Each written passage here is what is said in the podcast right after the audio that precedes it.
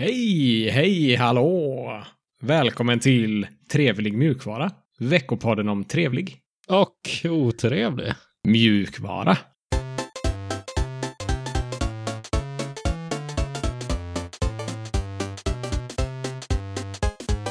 Mitt namn är Sebastian och med mig har jag Alex. Hur är läget med dig? Hallå!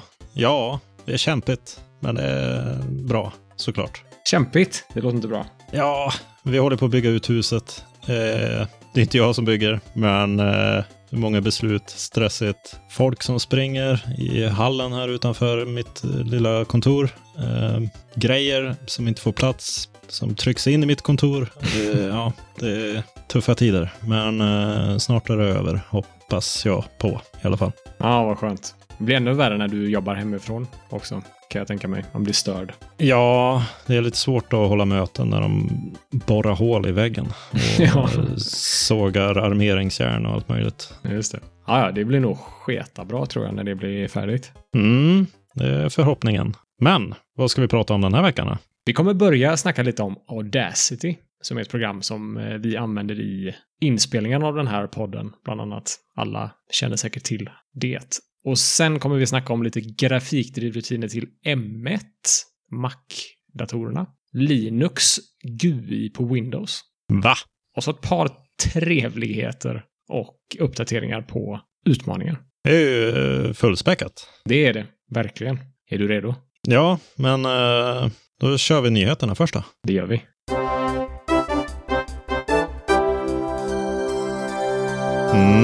Mm, Audacity in i framtiden. Eller?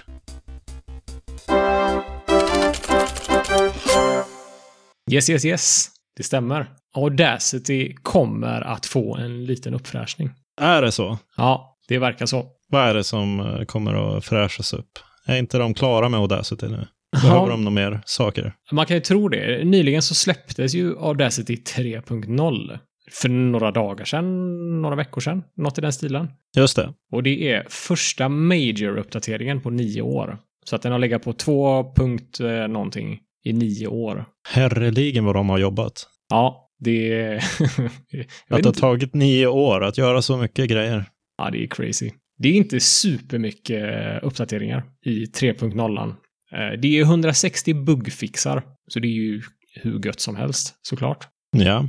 Men eh, det är liksom eh, inga nya fräcka features sådär direkt, eh, tycker jag. Det största är väl att det är ett nytt filformat. Just det. Men det är ju det som du pratade om vid sidan om här. In, inte i podden, utan i, du tyckte att jag skulle byta till trean. Ja, precis. Man märker att det är lite, eh, lite bugfixar. Saker som man har irriterat sig på innan som är fixat nu. Eh, och det här med filformatet då som tidigare så var det en massa mappar. Det var en djungel av mappar och filer i eh, Just ett det. Audacity-projekt. Så jag vet Mm. att du försökte synka det någon gång upp till Nextcloud va? Ja, jag tänkte jag skulle vara lite portabel så jag kunde redigera våra avsnitt eh, lite on the fly. Men eh, börjar man redigera på en dator då får man nog fortsätta där med det filformatet. Ja, just det. Ja, det var en jäkla djungel med konstiga grejer. Men nu är det en fil i alla fall som är ett projekt. Mm. Jag har förstått det som att det är någon SQLite-databas. Så är det kanske. Det har jag ingen aning om. Jag tror det. Mm. Ja, spännande. Det är ju hur som helst mycket mer portabelt och lättare att synka och sådär. Och det verkar som att när man jobbar med projektet så är det en swap, någon slags swap-fil som öppnas. Ja, Okej. Eh, Så då har man två filer i, i mappen för sitt projekt när man jobbar med den och så när man stänger eller sparar så försvinner swap-filen. Mm. Vad gör man i Audacity egentligen? För de som inte har provat det. Nej, det är en jättebra fråga. Man spelar in ljud. Så både du och jag sitter med Audacity uppe, startat nu, och spelar in det som vi säger i våra mikrofoner. Ja. Och det finns ju mycket verktyg för effekter och klippning och alla möjliga grejer. Jag tror att vi bara har eh, skrapat på ytan på Audacity, eh, du och jag. Mm. De grejerna som vi använder den till fungerar den ju jättebra till. Eller den duger ju mer än väl till det. Sen finns det ju massor med effekter och andra funktioner som man eh, knappt vågar sig in på. Ja, precis. Jag har jättemycket plugins och sådär. Ganska aktivt. Aktiv gemenskap. kring Audacity. Men det ser ju lite gammaldags ut. Det får du hålla med om. Ja, men det har väl sett likadant ut sedan det kom ut första gången nästan. Ja, i princip. Det är exakt. Det ser ut som en väldigt gammal applikation. Och det tror jag att Men många... är det inte på väg, ja men är det inte på väg runt det där nu? Kommer det inte vara eh, framtiden att det ska se ut så här? Att det är inne, att det är lite retro-känsla på sakerna? Aha, du menar att vi går full circle och kommer tillbaka till det här? Ja, eh, tror du inte det? Någon Ja, jag vet inte. Det är ju inte målet nu i alla fall. Nej. För jag ska Nej. berätta för dig vad som har hänt. De har blivit uppköpta. Audacity. Va? Yes. Av Muse Group. Jag känner igen det. Det, Muse Group formades några dagar innan köpet av Audacity. Men de Jag känner äger inte också... igen Nej, så du hade för blivit förvånad. Men eh, de äger ju också andra produkter som heter eh, någonting med Muse. Som Jag känner Muse igen det. Score, till exempel. jag ska sluta. Ja, Som är eh, ett gratis notskrivningsprogram som finns till Okej. Win- Windows, Mac OS och Linux. Och de äger något Ah. som heter Ultimate Guitar och något som heter Tonebridge. Som är lite tabulaturverktyg och eh, gitarreffekter. ja okej. Så det är ett företag som pysslar mycket med ljud och eh, musik kanske, som har skaffat det här. Ja, precis. Men är det eh, open source, de andra verktygen? Ja, det är lite blandat eh, där verkar det som. Så eh, MuseScore är open source. Ultimate Guitar har delar som är open source, men det är också en gemenskap på nätet som ett forum. Och Tonebridge verkar inte vara open source. Det är lite blandat. Men Audacity Ja. är ju open source och eh, gratis. Och de är måna om att det ska f- förbli gratis även efter uppköpet här. Och open source. Och open source. Ja, Precis. Ja, ja. det är ju trevligt. Ja, det, det är det faktiskt. Så måste det ju vara. Så måste det bli. Det finns lite, viskas lite om att det kanske kommer något premiumalternativ med någon slags cloud sync eller någonting i den stilen. Men eh, det är bara rykten. Men det, det är ju ett eh, otroligt populärt ljudredigeringsprogram. Det släpptes 2000, så det är 20 år gammalt nu. Ja. Den här eh, nyheten släpptes av en snubbe som heter Martin Carey som kallar sig Tanta Krul på YouTube och andra ställen. Mhm. Och han verkar vara en eh, sån här UI-UX-gubbe eh, som har en YouTube-kanal där han snackar om sådana saker. Och han jobbar på Muse Score, som är en av de andra produkterna jag nämnde tidigare i Muse Group, som just UI-UX-utvecklare. Ja. Och han gick igenom lite, han kommer, han kommer leda den här eh, UI-UX-förändringen som kommer göras i Audacity nu. Och Ja. han gick igenom lite vad han ville fokusera på. Och han säger att de kommer signifikant förbättra och lägga till features i Audacity. Och de kommer jobba med användarvänligheten. Och han kommer sätta dedikerade designers och utvecklare som kommer jobba med Audacity från Muse Group. Ja, okej. Jag tycker att det är ganska användarvänligt ändå. Det är en stor röd eh, spela in-knapp och sen stopp. Ja, det är det, men eh, vissa saker förvirrar mig, eh, måste jag säga. Han Ja, nämner det- bland annat att det finns... Kan du räkna hur många förstoringsglas du ser bland knapparna där uppe? Ja, det är ju ett gäng. Det är sju Eh, stycken. f- Är det sju? Jag säger fem. Ja, det finns en med dubbel förstoringsglas och så finns det ett förstoringsglas längre åt vänster. Ja, Varför finns nej, det, det, sju stycken förstoringsglas till exempel? det är ju sju olika förstoringsglasfunktioner. Ja, visst. Det finns förbättringar man kan göra i alla fall. Ja, det är jag övertygad nej. om. ja, det köper jag, absolut. Han ko- säger att han kommer involvera gemenskapen eh, mycket i de här förändringarna och han lovar att man ska visa skisser och prototyper eh, innan förändringarna går live.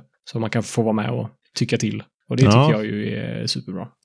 Det är ju ett vettigt eh, och modernt sätt att eh, göra förändringar på. Mm. Så får man eh, försöka hålla gemenskapen fort, fortsatt glad och nöjd. Ja, och involverad. Så att det inte känns som att det blir något eh, dåligt att eh, Muse Group har köpt Audacity. Mm. Ja, vi får följa det och se hur det går. Ja, det får vi göra. Spännande. Ska vi kika på vad mer som har hänt i veckan lite snabbt? Ja, men det gör vi. Grafikdrivrutiner till M1 på gång. Ja, Wow, wow, wow. Vi snackade ju häromveckan om att... Vänta. Det var ju det som inte funkade när vi snackade om det sist, eller hur? Nej, precis. Ja. ja. Och nu har man ju kommit en bit på vägen. Så eh, sen han uppdaterade sist, för två veckor sedan, så har han påbörjat en så kallad Gallium Driver för eh, M1 som eh, implementerar mycket av funktionaliteten i OpenGL eh, 2.1 och E ES 2.0. Mm. Så nu kan man köra vissa enklare OpenGL-demonstrationer eller test med hjälp av den här drivrutinen. Jag vet inte om du har sett den någon gång. Det finns ju GLX Gears. Det är något Nej, som- jag har inte sett, men det är någon 3D-modell som snurrar runt eller någonting. Eller... Ja, det är tre kugghjul i eh, rött, grönt och blått. Som är en Mm. klassisk eh, testrendering Just det. som verkar fungera. Schysst. Och det är en helt open source fri mjukvara stack som eh, drivs eller som driver den på eh, M1 nu. Ja, vad häftigt. Ja, och eh, enligt dem själva så stödjer de ungefär 75 procent av specifikationen Okej. på OpenGL E ES 2.0. Ja, fräckt. Det är ett steg närmare till att kunna köra Linux på riktigt på eh, M1-chippen. Ja, och som grädden på moset, eller pricken över i så har de lyckats få den här koden uppströmmad, eller upstreamed, i MESA-projektet. Som är samlingsprojektet för grafikbibliotek i bland annat Linux. Mm. Nej, 75 procent är ju mycket. Då borde de ju snart vara klara. Eller det kanske är krångligare kvar. Det kanske tar eh, två veckor att komma till 75 procent och sen tar det två år att komma till 85 och 20 år att komma till 95. Just det. Så vi får, vi får se. Men eh, det ser ju lovande ut. Det är ju kul att det går fort i alla fall. Ja. Än så länge. Linux GUI på Windows. Ja. Vad betyder det här? Kan jag köra plasma på Windows nu? Hmm. Det tror jag inte. Men du kan köra Eh. GTK-appar. Du Ja. kan börja från början. Vet du vad WSL är? Windows Subsystem for Linux, Ja. tror jag. Mm. Precis. Så det är ju ett sätt att köra Linux-appar i Windows. Och tidigare så har det bara varit terminalappar som har fungerat. Men nu har de släppt en liten... De kallar det för en companion-app, tror jag. Eller något i den stilen. Som heter WSLG. Jaha. Där G kanske står för GUI eller Graphical eller något i den stilen. Det är inte riktigt uppenbart. Ja. Så det är både X11 och Wayland som supportas. Och det ser ut och känns precis som en eh, grafisk eh, app på Linux. Och som sagt, det är GTK-styling för GTK-appar. Och det är drop shadow på fönster och Jaha. support för ljud och mick.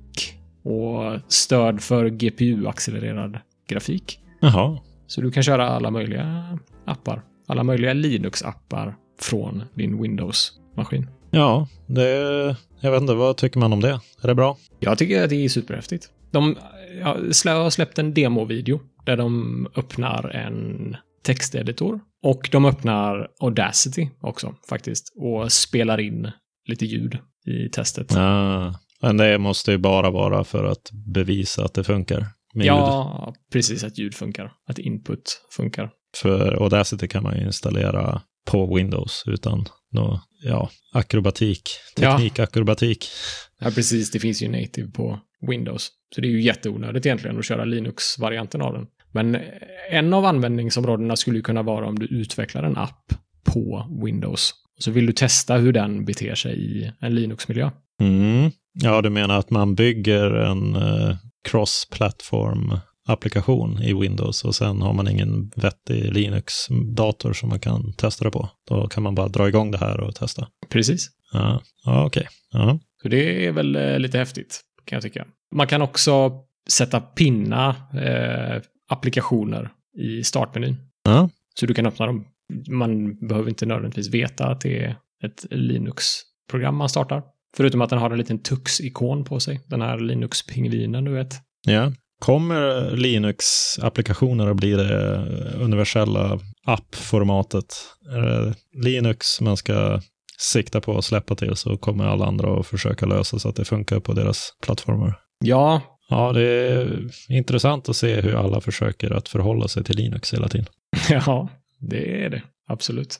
Det är lite roligt. Du skulle kunna köra Vim native i din favoritterminal. Ja, det är ju sant i och för sig. Man kan hur som helst eh, aktivera den här WSLG genom att köra en eh, uppdatering av VSL om man sitter på Windows Preview Builds. Okej. Firefox släpper nytt. Ja, Vad är det här? i elfte timmen innan inspelning så fick vi information från Bitin att en ny version av Firefox för företag släpptes idag. Och imorgon så kommer en liten bugfix-release. Och den där äh, större designförändringen, eller utseendeförändringen som kommer i Firefox, Mm. släpps den 30 maj och 1 juni. Jag vet inte exakt vad det betyder, men eh, det blir väl en liten utrullning där. Ah, spännande. Den eh, ser jag fram emot. Det ska bli roligt att testa. Ja, undrar hur de har tänkt. Det blir spännande. Ja, Det var lite trevligt. Ska vi fortsätta på det spåret? ja men det gör vi. Har vi några trevligheter? Ja, jag tror det.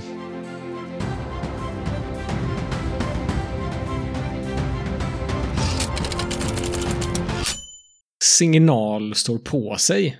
Mm. Berätta. Ja, om du skulle jämföra det här året med 2016, vad skulle det finnas för likheter då, tror du? Jag vet inte. Jag vet inte. Du kan väl dra någonting? Vad händer i år som händer 2016? Ja, men jag vet inte vad som hände 2016. Ja, Trump be- blev vald. Ja, Eh, Okej, ja, ja. Brexit. Allting gick ju under beroende på vem man frågar såklart.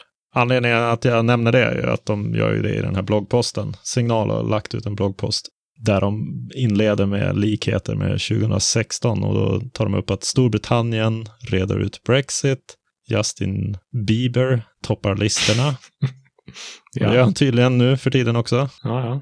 Och Signal blir kallad till rätten för att dela med sig av användardata. Okej. Så det hände 2016 och det har även hänt nu då.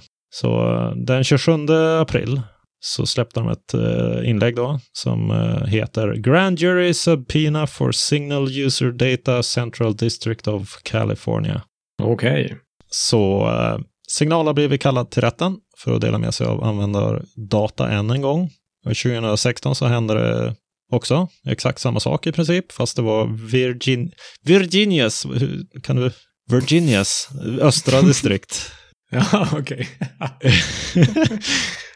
det är svårt det här med de här staterna, de får ju f- fixa namnen. ja. Eh, och 2016 så fick man en gag order. Vad heter det på svenska, tror du? Oj, att man inte får prata om det, eller? Mm. Tystnadsplikt, kanske? Ja, är det det? Jag vet inte, det kanske inte är plikt riktigt. Du får riket prata om det här. Nästan lag. Ah, Okej. Jag vet inte. Men Mm. eh, man kunde berätta om det tack vare juridisk eh, stöttning från ACLU. Vet du vad det står för? Oj, det känner jag igen. Nej. American. Nej, jag vet inte.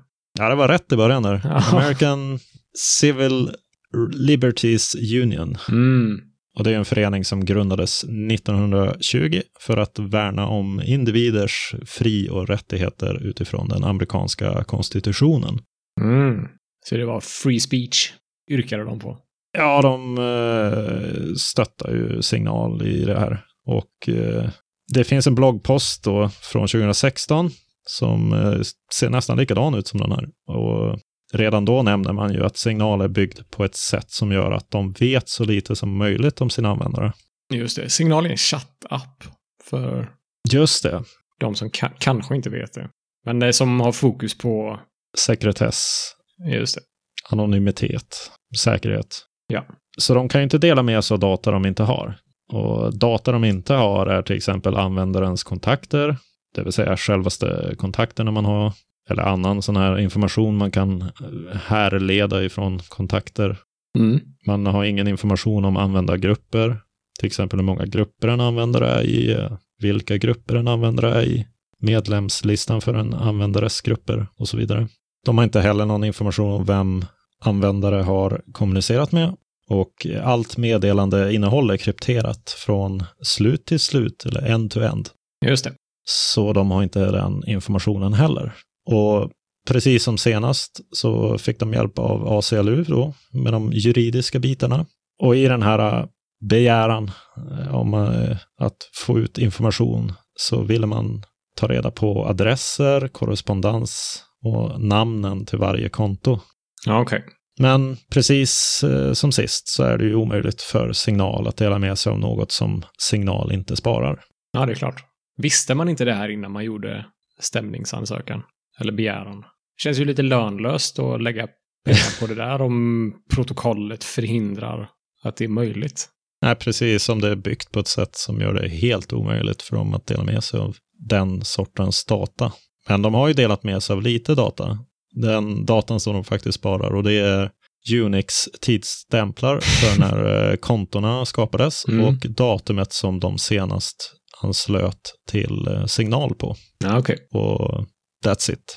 Så man får väl se det här som eh, en blandning av en trevlighet och en otrevlighet. Det trevliga är att de har byggt signal på ett väldigt bra sätt. Det otrevliga är väl att de blir attackerade och att det här kanske kan få konsekvenser. För det här känns som att man kan använda som lite ammunition då. Eh, Politiker och säkerhetsfolk Mm. kan trycka på att ni behöver kunna spara de här grejerna så att inte folk bara går fria i era chattsystem. Ja, visst. Ja, de lägger ju ner supermycket pengar. De knäckte ju, nu minns jag inte vad det heter, men någon annan sån här säker chattapp nyligen. Eh, som ja, de påstår används mycket för brottsliga... Anchorchat, Ja, just det, exakt. den har jag aldrig hört talas om. Nej, det har inte jag heller. Det kanske bara är brottslingar som hänger på den. I och för sig. Ja. Det var en eh, trevlighet som gick till eh, otrevliga, men det är över. Ja. Ska vi eh, ge oss på nästa? ja. Git på svenska är nästa trevlighet. Ja. Det låter ju knasigt. Git för mig är lite kommandon. Git pull, git push, git commit, Mm. sådana saker. Ja, det är ju några som har gått ihop och eh, skapat en liten, eh, ja, vad ska man kalla det, ordbok på GitHub. Och det är 12 eh, personer som bidrar till den här än så länge. Den har fått 566 eh, stjärnor och eh, 156 eh, forks. Mm. Eller om man ska dra det från deras egna ordbok, har de inte fork här? Nej, det hade de inte. Det får vi göra en pull request på. Eller en ryckbegäran. Nej, är det det? Ja. Det här är ju galenskap. ja, men har du någonsin tyckt att det känts bra att säga jag pullar? Nej, det känns ju lite obscent på något sätt. De har ju ett förslag på den till exempel. Vad skulle det heta? Kan du rycka grenen jag just ympade och knuffa till GitHub? Vad tror du det betyder på gammel eh, git-svenska? Kan du rycka grenen? Kan du pulla branschen? Ja. Och vad sa du sen? Kan du rycka grenen jag just ympade och knuffa till GitHub? Kan du pulla branschen jag just skapade Och knuffa till GitHub. och pusha till GitHub? Ja, det var ympade är tydligen eh, rebase. Ah, okej. Ja. Hur tror man skulle... vad är det? det, ja, jag antar att det bara är på skoj, det här. Så här kan man inte eh, kommunicera. Hur skulle du eh, översätta skicka en pull request när du är färdig med mergen? Skicka en ryckbegäran när du är färdig med merge, sammanslagningen, Uff, det var nära. Skicka en ryckbegäran när du är färdig med sammanfogningen. sammanfogningen. Den här då? Låt oss cherrypicka från masterbranschen. Hur översätter man det på äkta svensk git-språk? Låt oss plocka smultronen från huvudgrenen. Var det rätt? Nej, nej, inte, inte exakt. Men det var ju, jag tycker eh, du hade bättre. Det här, du, får göra, du får ju helt enkelt göra en uh, ryckbegäran på den här och, och bidra. För de tyckte att det skulle vara låt oss plocka russin från mästergrenen. Ah. Eh, Det finns en, eh, hel del goda grejer här och eh, jag vet inte om de är allvarliga eller inte, men det går ju knappt Jag kan inte riktigt eh, prata den här, den här varianten av git. Den här Nej. dialekten av eh, svensk git-språk. Nej, nej, precis. Till exempel så eh, tycker de att git borde kallas för jävel. Ah, Det Och- köper jag inte riktigt. varför? Varför eh, det heter jävel? Ja. Git är väl en... Det står väl för någonting? En otrevlig eh, person står git för, enligt O- Oxford. Stämmer. Ja, Ja, det är Google Translate eh, säger jävel på git. Så ja, ja. visst. Då, eh, ja, in på den länken och eh, ryck, eh, begär förändringar. Eh, Men Man måste ju göra lite alias, lite bash alias för det här. Ja. Så du kan skriva Ja. jävelryck. Nu det var smultron. Russ, russinplocka. ja. ja, det hade varit roligt. ja, men de har ju faktiskt eh, gjort det. De har det. I dagligt bruk har de en, en sektion här som man kan kopiera git config eh, alias. eh, Så då har de eh, ryck till pull och knuffa till push och Ja. gren till branch. Så att det är bara att copy-pasta in här i sin eh, terminal så är vi på svensk mark igen. Ja, när ja vi visst. programmerar. Ja, ja det var rolig, rolig trevlighet får jag säga. Ja. Bra fynd.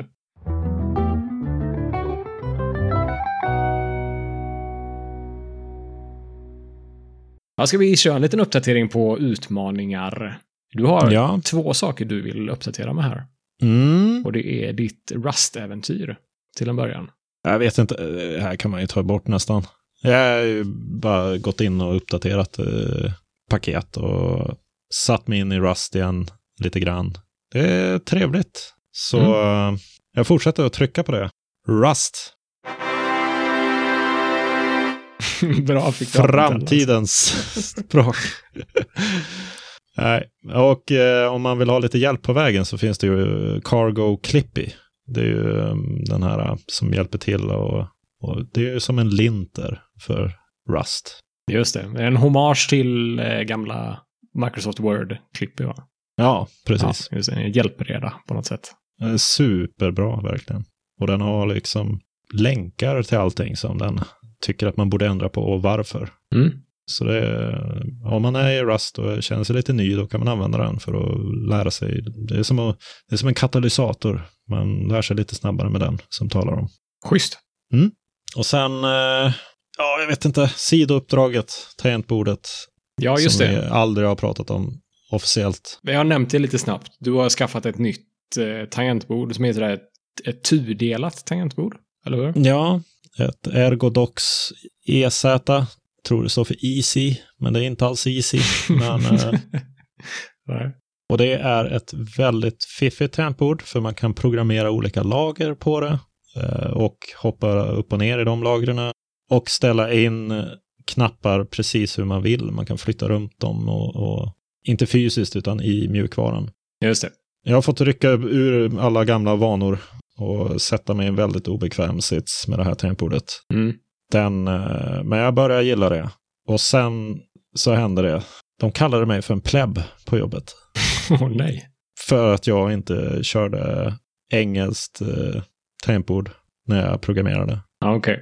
Och så kan vi inte ha det. Så då fick jag byta layout också. Så nu är det eh, mycket svårt för mig att eh, skriva saker utan att känna mig jättekorkad. Ja. Men det går framåt. Jag förstår att man vill ha engelskt eh, tangentbord när man programmerar. Det är många grejer som är byggda, eller många språk som är, har syntax och, och tecken som baseras på det. Ja, verkligen. Det är inte minst när man sitter i VIM märker man ju det. Det är Ja. optimerat för engelska tangentbord. Verkligen. Placeringen av alla kommandon. En trevlig sak som jag märkte med att behöva byta språk på tangentbordet live i operativsystemet. Det brukar ju oftast vara en snabbknapp som är meta eller supertangent plus space. Mm. Man kan ställa in i plasma att det ska vara per fönster. Mm. Så då eh, i VIM har jag engelska och sen eh, byter och ska skriva i någon chattruta eller något så blir jag förvirrad. Men eh, så kommer jag ihåg att där har jag fortfarande svenska. Ja, det är ju jättesmidigt ju. Ja, Det är en sån här dold feature i eh, plasma som, Som bara Ja. finns där när man behöver den. Nej, någon som har tänkt till där. Ja. Mm. Då är det dags att blicka inåt Ja, för f- första gången den här säsongen. just det. Ja, lite som har hänt i vår gemenskap är väl att Linux-kompis har valt att lägga ner sin Mastodon-instans. Mm. Det förvånade mig, får jag säga. Ja, Det är väldigt synd. jajamän. Eh, och då är ju frågan vart vi ska ta vägen. För vi har ju vårt gemensamma Mastodon-konto på Linux kompis. Mm. Trevlig mjukvara ligger där. Ja, så frågan är ju om någon har något tips på vart vi ska ta vägen. Eller önskemål. Ja, det har varit superroligt att få något bra tips där. Vi letar väl efter något som är inriktat mot öppen mjukvara såklart. Och det får ju gärna vara svenskvänligt. För vi, Ja. podden är på svenska och vi postar alltid på svenska. Ja, det är ingen hit om vi börjar att bli utslängda direkt efter första inlägget. Så- Nej, precis. Ett annat alternativ är väl att hosta vår egen Mastodon-instans. Ja, Men det är ju lite mer jobb med det såklart. ja, vi kan väl se om någon av er eh, lyssnare har några starka åsikter så kan vi fundera på det. Mm, spännande. Kanske man hittar eh, någon rolig instans själv att följa. Det Mm. borde vi nästan ha haft eh, tidigare. Tips på bra Mastodoninstanser.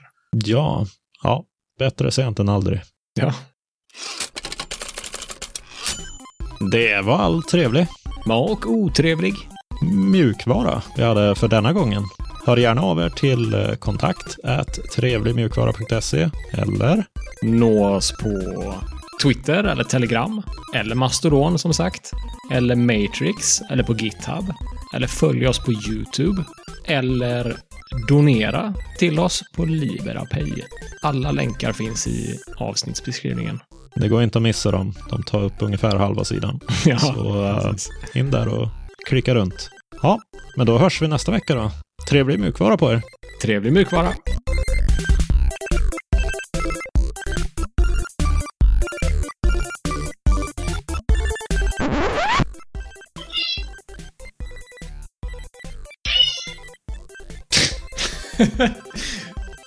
Tyst, vi ska spela in nu. eh,